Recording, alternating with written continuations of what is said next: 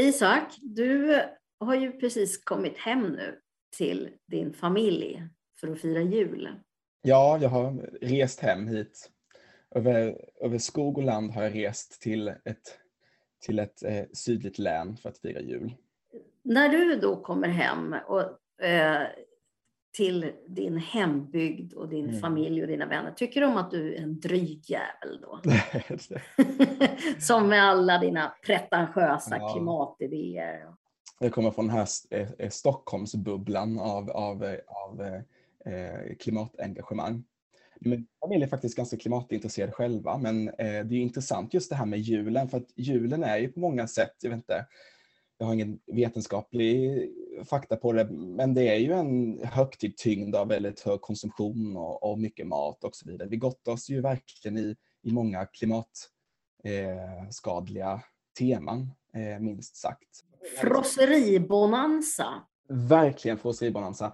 Och min familj har faktiskt varit ganska så eh, de senaste åren eh, liksom anpassningsbar med detta. Det har strykits en del från julbordet och det har eh, trappats ner i julklappar och båda vegetariska alternativ välkomnas på julbordet. Hur ser det ut för dig? Jo, men på ett sätt är det så också. Ehm, vi är ju till exempel flera veggisar, så det har vi haft på julbordet sedan länge. Ah, men det är det här med julklappar, där är det svårt. Och vet ni att det är inte nödvändigtvis så att det är mina släktingar som är problemet, utan jag själv. För att jag mm. älskar julklappar. Men du hamnar inte i några jobbiga diskussioner då med släktingar, tänker du, som är faktiskt forskare om klimatet? Att här kommer hon som vet så bra? Ja, inte i min nära familj, men, eh, men det kan hända i andra kretsar. Framförallt var det så mm. förut, att jag var lite rädd för att prata om vad jag forskar om och vad jag håller på med. För jag tänkte då blir jag aldrig bjuden igen. Eh, och så man vill inte döda eh, stämningen. Eh, sen har jag blivit mindre rädd för det. Eh, och måste säga att jag tycker att jag blir nästan lite förvånad över hur många som vill prata om de här frågorna. Mm. Men jag vet att det finns många som, som tycker att det är jättesvårt och också faktiskt blir ganska illa bemötta om de tar upp sådana här frågor. Just det. Och det här med att prata med eh, andra om klimatfrågorna, i de här små samtalen med nära och kära, det ska vi prata om idag.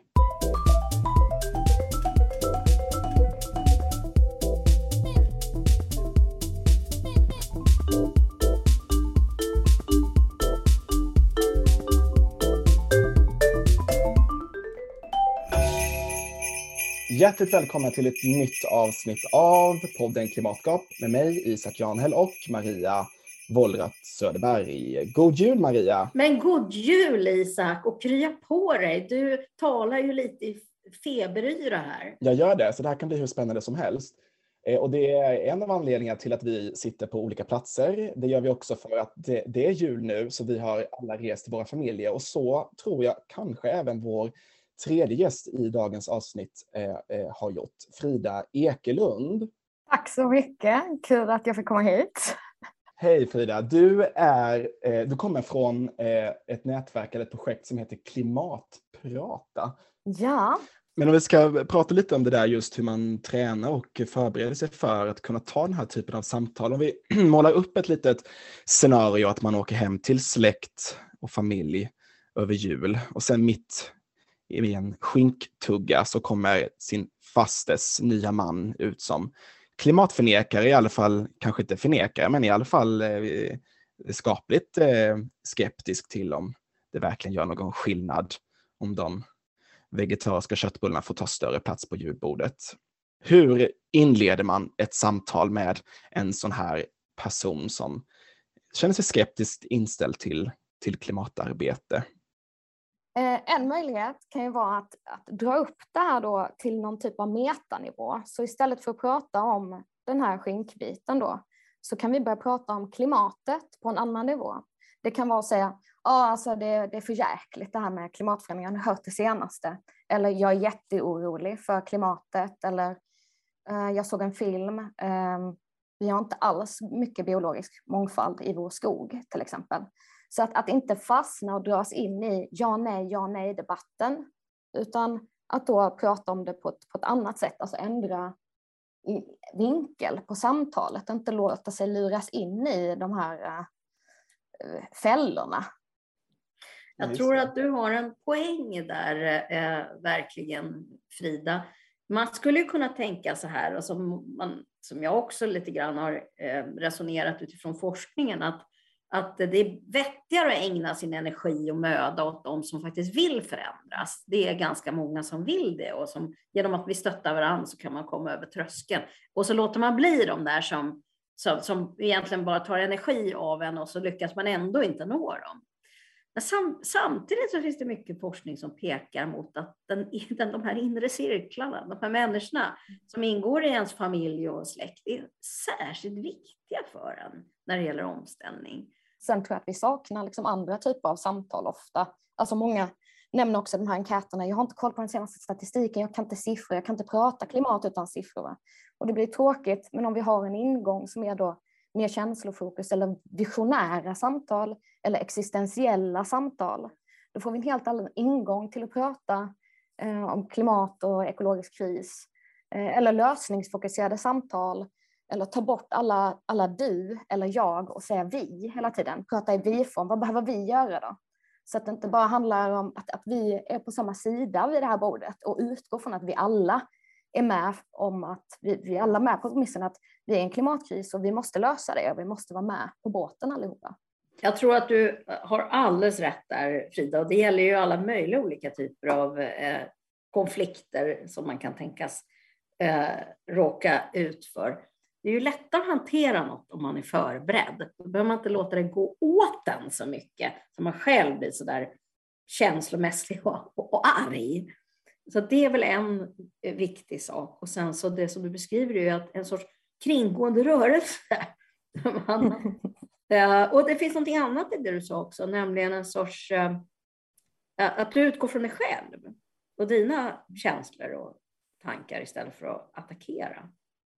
Jag har en liten känsla av att det behövs en revival av det existentiella moraliska samtalet kring det här. Alltså, det är också svårt att, att om man berättar om sin egen, att man vill kunna se sina barn i ögonen och att det, bekymrar en, att, att det egna samvetet och hur man plågas av det. Och att, eh, eh, sådana vittnesmål brukar ju dra igång motsvarigheter hos andra och mm. dåligt samvete fast på ett bra sätt. Så att ladda upp med eh, fakta och eh, eh, bra argument behöver inte vara räddningen så att säga i en sån här situation. Är det så du tänker Frida? vi har koll på siffrorna. Alltså problemet är inte att vi inte har koll på siffror. Problemet är att vi inte gör någonting med den informationen vi har. Liksom. Så att in, om ingången bara är att alla ska liksom gå med på att vi lever i en klimatkris, det är inte nog, utan nu, om vi vill ha handlingsfokuserade samtal, vilket jag tycker det är hög tid för nu, då behöver vi ju bjuda in också till att engagera sig tillsammans med andra på olika sätt. Så att om vi också tänker på att eh, vi ska inte hålla med varandra om att det är riktigt illa nu, utan nu ska jag också bjuda in faster till att kolla på den här eh, dokumentären eller följa med på nästa intromöte till vilken organisation som helst som arbetar med klimatkrisen. Det är liksom tips vi får igång liksom handlingen.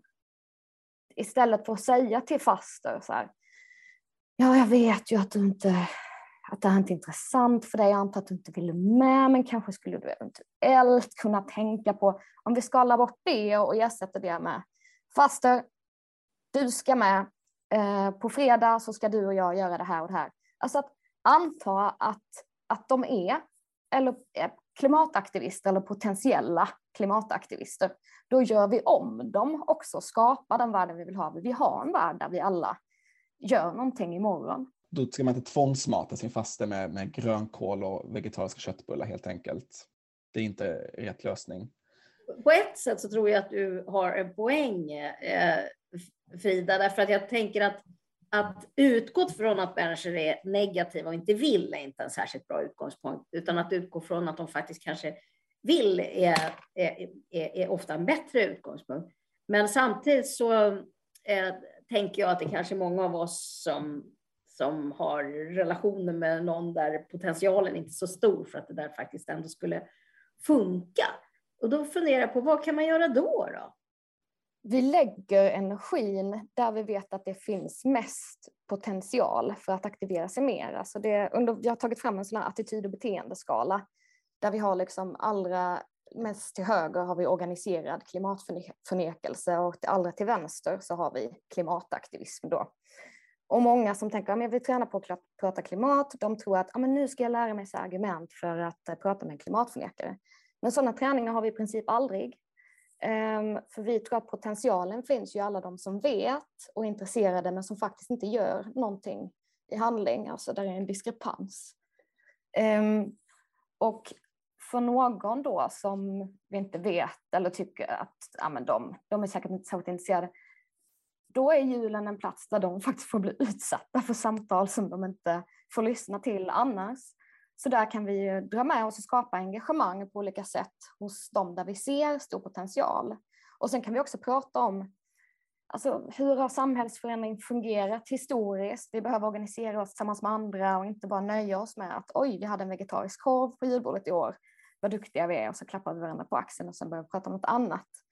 Utan att där kan vi prata om vad, vad, folk som är väldigt individfokuserade då, där kan vi börja prata om institutionella omställningar som, som behövs. Liksom, vad jobbar du med? Vad gör din arbetsplats? Um, vad gör våra pengar, våra pensionspengar? Vet ni om att jag har faktiskt uh, ändrat dem, uh, omplacerat det jag kan till mer miljövänligare alternativ eller hållbarare alternativ. Um, vill ni göra det också? Har ni gjort det? Vad gör era banker? Vad gör våra banker? Um, och vad kan vi åt det? Alltså tänka på institutioner i vår närhet. Julbordet i all ära, men det är kanske inte där de största förändringarna kan ske helt enkelt. Även fast man inför lite vegetariska alternativ där. Precis, det är en plats där vi kan lyfta blicken också om vi, om vi väljer den ingången. Och det är sånt vi kan förbereda utan att vara glädjedödaren då. Att vi liksom går igång på något litet så händer istället, ah, men jag vill prata om det här. Eh, och sätta igång det samtidigt så det blir så ett glatt samtal, lösningsfokus och visionärt. Om det är så att det ramlar in i att en, det blir skuld och skam eller en vill för, försvara sig och sådär, som inte brukar vara särskilt konstruktivt. Och mycket av det här handlar ju också om att välja sina fighter. När ska man veta att nej, det här är ingen idé, nu backar jag och när ska man ta ett steg framåt? Eh, hur ska man tänka kring det där? Vilka fighter ska man ta, vilka ska man inte ta? Det är ju väldigt svårt för det beror ju på dagsform också, det beror på allt, allt möjligt. Alltså förhoppningsvis så har en ju andra som också kan ingripa som tredje part. Och är det så att det rör sig om klimathärskartekniker på olika sätt, vi har tagit fram 25 stycken, eh, då hoppas vi att det är någon annan som, som ingriper när vi blir utsatta. Klimataktivister får utstå jättemånga eh, nischade Eh, härskartekniker. Så vi listade och kom fram till 25 stycken minst. Ja, alltså vi har något som till exempel kallas för lösningskravet då. Och det är klassikern när eh, någon säger, men det här, eh, vi vill inte ha, keep it in the ground till exempel. Ingen mer, ingen mer kol. Och då är det någon som säger, ja men hur ska ni lösa energifrågan då? Alltså så att du får inte uttrycka dig om du inte har alla svar. Eller renlärighetskravet att då, men vad, det är plast i era banderoller, så att eh, vi kan inte ta er på allvar. Eh, kaffet du dricker, vet du var det är producerat någonstans? Alla de här känner jag ju igen väldigt mm. väl. Från eh, när jag har tittat på debatten. Eh, eh, inte minst i sociala medier faktiskt. Senast idag stötte jag på lösningskravet.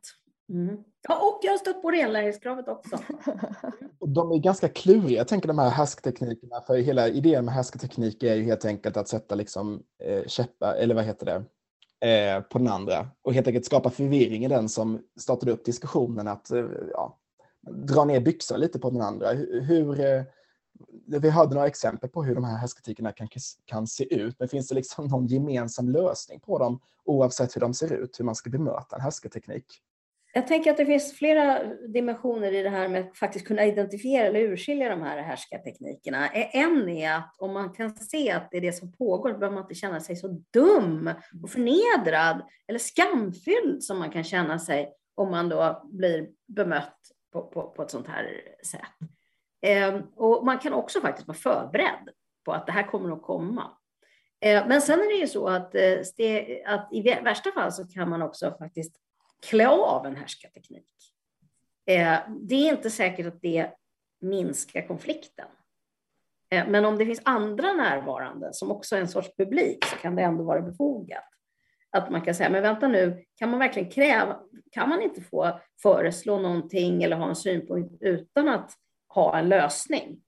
Eh, eftersom eh, det kanske inte heller är vi som kan ha kunskapen om de bästa eh, lösningarna, men man kan ändå vilja lyfta fram problemen.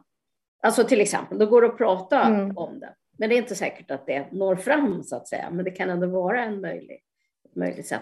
Men jag tror att en viktig grej att tänka på när man talar om någonting som härskartekniker är ju att för den som använder det så är det ju sällan det finns ju inte en illvillig avsikt eller en sorts intention att härska.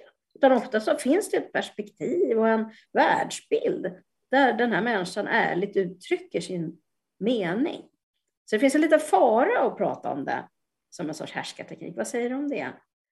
Alltså, nej, jag tror att det är väldigt sällan det med mening. Eh, ibland är det det, oftast är det inte. Vi använder ju alla härskartekniker ibland och vi tänker inte på det eh, och därför behöver ju folk runt omkring oss som hjälper oss genom att ingripa när vi gör det själva. Så härskartekniker det, det pågår ju lika mycket inom klimatrörelsen och miljörörelsen som utom den. Så det är inte bara det är inte bara utifrån och in så att säga, utan det är också inom. Vi är, del, vi är en del av samhället. Så att, alltså, där tror jag på att, att ändå skilja intention från handlingen. Att utgå från att nej men, du menar ju inte det här, du är ingen ond människa. Det är inte onda, liksom. det är handlingar som kan vara förtryckande och då ingriper vi mot handlingarna, inte mot personen. Man tar de här två typerna av klimathärskartekniker, då, lösningskravet och renlärningskravet. I någon mening kan det ju också vara befogat, i alla fall ibland. Att, eh, det är ju lätt att sitta och föreslå en massa, eh, massa begränsningar, men hur hanterar man de här svåra frågorna? Vi behöver ju också lösningar. Eller det här med renlärighetskravet. Är det inte jäkla märkligt när, när någon som driver en fråga hårt inte lever som den lär? Alltså, problemet blir väl när det används eh, för att stoppa diskussionen. Liksom. Precis, alltså problemet är ju förtrycket. Så att jag kan ju, jag kan ju använda samma argumentation. Jag kan ju säga till dig, men alltså, jag förstår inte trö, tröjan du har på dig. Alltså var är den producerad, Maria? Jag kan, ju säga, jag kan ju säga det här på ett sätt där jag genuint är nyfiken och tänker hur ska vi lösa det här problemet? Jag kan också säga det, vad tror du att din tröja är producerad egentligen Maria? Så att då blir det ändå, då blir det ju en härskarteknik. Jag vill sätta dit dig, jag vill att du ska bli tyst, du ska inte tro att du är något. Men jag kan säga samma sak utan att det är en klimathärskarteknik. Och då blir det ju kanske ett konstruktivt samtal.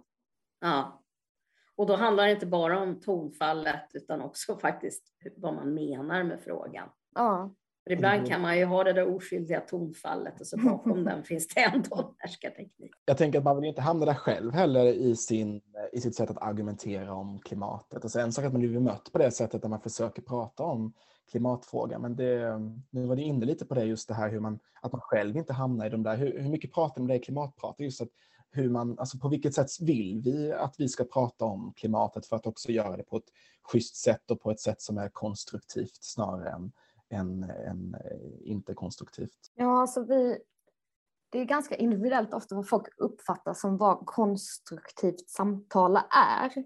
Men det vi tror allra mest är att vi behöver då aktivera alla de här, vi bör aktivera oss själva och andra i handlingen så att vi inte bara upplysta individer som inte gör någonting med den informationen som vi har. Mm. Ja, och det, det, har ju visat sig väldigt tydligt att det, uh, i, när man tittar på forskningen att människor som ändrar beteende är ofta eh, starkt påverkade av förebilder eller får inspiration av andra som går före. Eh, och vi, det finns också studier, det har också vi sett, men eh, som visar att, att vi också påverkas av de som inte agerar så förebildligt och så använder vi det som ett argument för att slippa göra det själva. Så kanske är det egna görandet det största, det kraftfullaste argumentet snarare än, än vad man säger. Mm. Men det kanske inte räcker ibland med görandet. Man måste också berätta det för andra på ett sådant sätt så att man inte bara blir en ja, dryg skrytmåns. Liksom.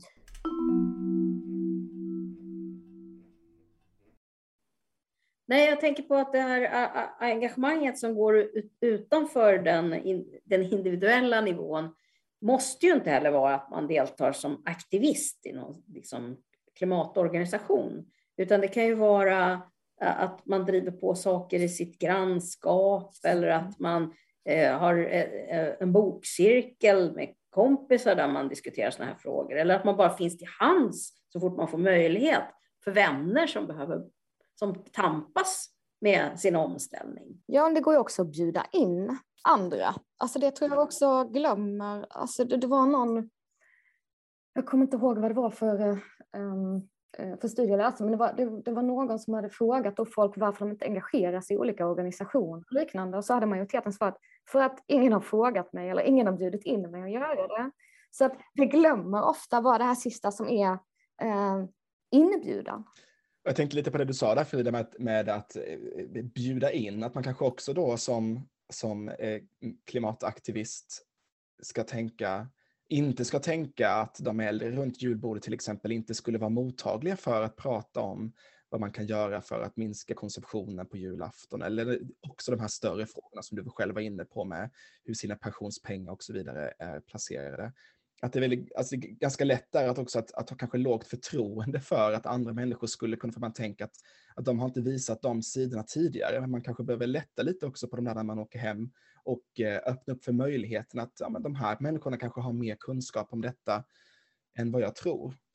Ja, eller jobb, arbetsplatser och skolor. Alltså det finns jättepotential för att organisera sig tillsammans med andra. Det är ju en jättestor skillnad om arbetsplatsen eller skolan ställer om eh, än om jag gör själv. Man kanske inte ska dra förhastade slutsatser här. Det är inte alls säkert att det är de yngre som är mer radikala och de äldre som är lite trögare. Jag tänker på de här supportgrupperna jag har sett vid sådana här demonstrationer när jag har varit ute och tittat där ungdomar demonstrerar för klimatet. Supportgrupper med far och morföräldrar. Mm. Det är massor med ungdomar och massor med pensionärer, men inte så himla många i min egen ålder som, som är med. Det här har jag faktiskt ingen statistik på, utan det är en, mm. det är en känsla bara. Det är en ren spaning. Det är en spaning, ja. Eh, känner du igen det? Ja, jag, jag har lagt märke till detta också. Jag tycker att jag ser de här tendenserna och det är ju det är helt underbart.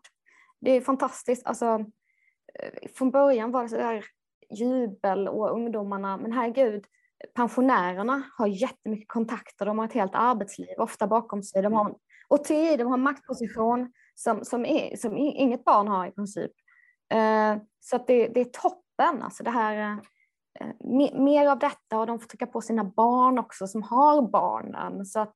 När jag pratat med en del pensionärer som jag då har stött på så här, så, så har de eh, lyft fram att det är de som är skyldiga. Alltså de har, gjort, de är, har medverkat till det här och nu måste de försöka ställa det till rätta. Och mm. det är ju en, eh, en väldigt viktig eh, tanke, mm. att man har ett sådant eh, ansvar. Ja, det var bara för någon vecka sedan som jag pratade med någon och det var nog inte under en strejk, men det var någon som var pensionär som sa också, ja, ja gud vad vi höll på liksom. Därför 20 år så, åh vi reste hit och dit, vi gjorde det och det och de bara, men vi visste inte, vi visste inte. Alltså sa det verkligen så här som att de, alltså var så himla ledsen och med sorg. Och då tänker jag, ja, tänk att du står här och säger det nu, men det finns så många som vet, men ändå fortsätter. Det här Frida tror jag är en jätteviktig grej. Det är så för jättemånga. Och många gånger när jag har haft samtal, vet ni, något lustigt som har hänt är att jag har börjat bli inbjuden bland vänner till middagar för att prata om klimatet. Eh, wow. Ja, och det, det kändes... Inte bara för, för... att du är en trevlig middags... Eh, Nej, jag trodde ju att det skulle bli tvärtom, men det ja, verkar ja. som det är många som har behov av det. Och då, då är det många som verkar vara precis i den fas som jag själv var, genant nog för kanske fem år sedan eller någonting. När jag började inse hur stora utsläpp jag hade och vad jag har gjort mig skyldig till och fick liksom, det var som att titta in i en avgrund och se det här rättviseperspektivet och, och hur jag själv, eh, som trodde att jag var en klimatengagerad, klimatvänlig person. Alltså det var en väldigt plågsam känsla och det var fullt av, av, av um, dels en sorts skam över hur, hur jag har, har, levt, men och, och, och så en genans över att jag inte hade fattat Mm. saker och ting. Och sen också att jag egentligen inte ville veta, fastän jag Mm. kunde inte heller säga nej till det. Eh, och, men också att jag började inse att det var massa saker som jag älskar att göra, som jag inte kan fortsätta med. Och det var plågsamt att tänka att jag måste skiljas från de här sakerna. Till exempel det, att eh, resa med flyg som jag har gjort jättemycket. Och det här verkar människor ha ett stort behov av att prata om. Och, och det kan man prata om med hjärtat i handen utan att det blir egentligen konflikt, eh, i min erfarenhet. Ja, utifrån det du beskriver nu så är det inte konstigt att klimatförnekelse finns. För alltså när det, när det kommer till det du beskriver, då är det antingen så här, ja, antingen får jag förneka det här, för jag vill inte kännas vid det här som är så himla jobbigt, för då måste jag ta tag i det. Eller så får man välja i att ta tag i det och att, att dela det med en grupp som du gör, det är helt fantastiskt, för då, får, då är en ju inte ensam i den skulden och skammen, utan får förhoppningsvis lösningsfokus och stöd i det. Du kan ju börja fakturera då när du blir bjuden på middag, Maria. Så Ja, jag vet. Än så länge får jag mest betalt genom, i Natura genom maten. ja, det låter i och för sig väl. det har inte hänt många gånger, det har hänt några gånger och jag tycker att det är fascinerande. För Ja. att, för att började tid, tvärtom, att du var rädd att du skulle bli, inte bli bjuden på middag. Ja, och sen däremellan så fanns en period då, då jag upplevde snarare att en tystnad, om jag tog upp Mm, någonting så bytte mm. någon annan genast samtalsämne. Det var faktiskt en fråga från en lyssnare som skrev till oss här, som, som skrev så här, kan ni inte göra ett avsnitt om tystnaden? Mm. Mm. Eh, om att människor kan prata hur mycket som helst om corona, men inte om klimatkrisen. Och när man kommer till den så är det som man har svurit i kyrkan. Antingen känns det som man får onda ögat på sig, eller så byts samtalsämnet genast bort till något lättsammare, skriver den här Mm. lyssnaren. Mm. Ja, men det känner jag igen väldigt ofta. Hej Johanna som skrev det här, nu pratar vi om det. Mm. Det kommer en del förslag till oss, det är väldigt roligt. Mm. En insikt som jag har fått det är att det tar tid att ställa om. Och ofta har vi så bråttom, och vi har ju bråttom, det är bråttom att ställa om. Men för, för att, att försöka få en e- enskild människa att ställa om fort, det är, är ganska dömt att misslyckas. Jag tror att vi måste tänka på att man, små steg och hålla handen är det som behövs. Det är det ena. Och det andra medskicket som jag har, det är klimatkoll. Det är ett kortspel som, har, som är utvecklat eh, av, bland annat av, utifrån statistik från forskare på Chalmers. Man ska gissa hur mycket utsläpp olika aktiviteter har och så ska man lägga kort i ordning och så, så tävlar man i det där. Och, och grejen är den att det är ganska svårt. Och så vet vi också att insikter om storlekar och proportioner verkar påverka människor ganska mycket eh, kring deras beteenden. Det spelet har jag spelat i sammanhang där jag aldrig skulle trott att jag skulle kunna få till ett bra klimatsamtal. Och, och folk som, som jag känner som inte alls är intresserade av frågor, de har blivit helt galet tävlingsorienterade i förhållande till det. Ett- Och, eh, så, så jag måste säga att det är ett av de bästa verktygen man vill få till ett riktigt kul och konstruktivt samtal om klimatfrågor. Det är ett jättebra spel. Ett bra sista minuten-tips då om man inte har köpt det, om man har någon julklapp kvar. Då, med det sagt så återstår det ju att bara säga då god jul till alla våra lyssnare och tack så jättemycket för att ni har varit med oss det här året också så ses vi förhoppningsvis nästa år. Vi som heter Klimatskap heter Isak Janehäll, Maria Wollröth Söderberg. Ulf Larsson och Moa Svan. Tack så mycket för att ni har lyssnat och god jul!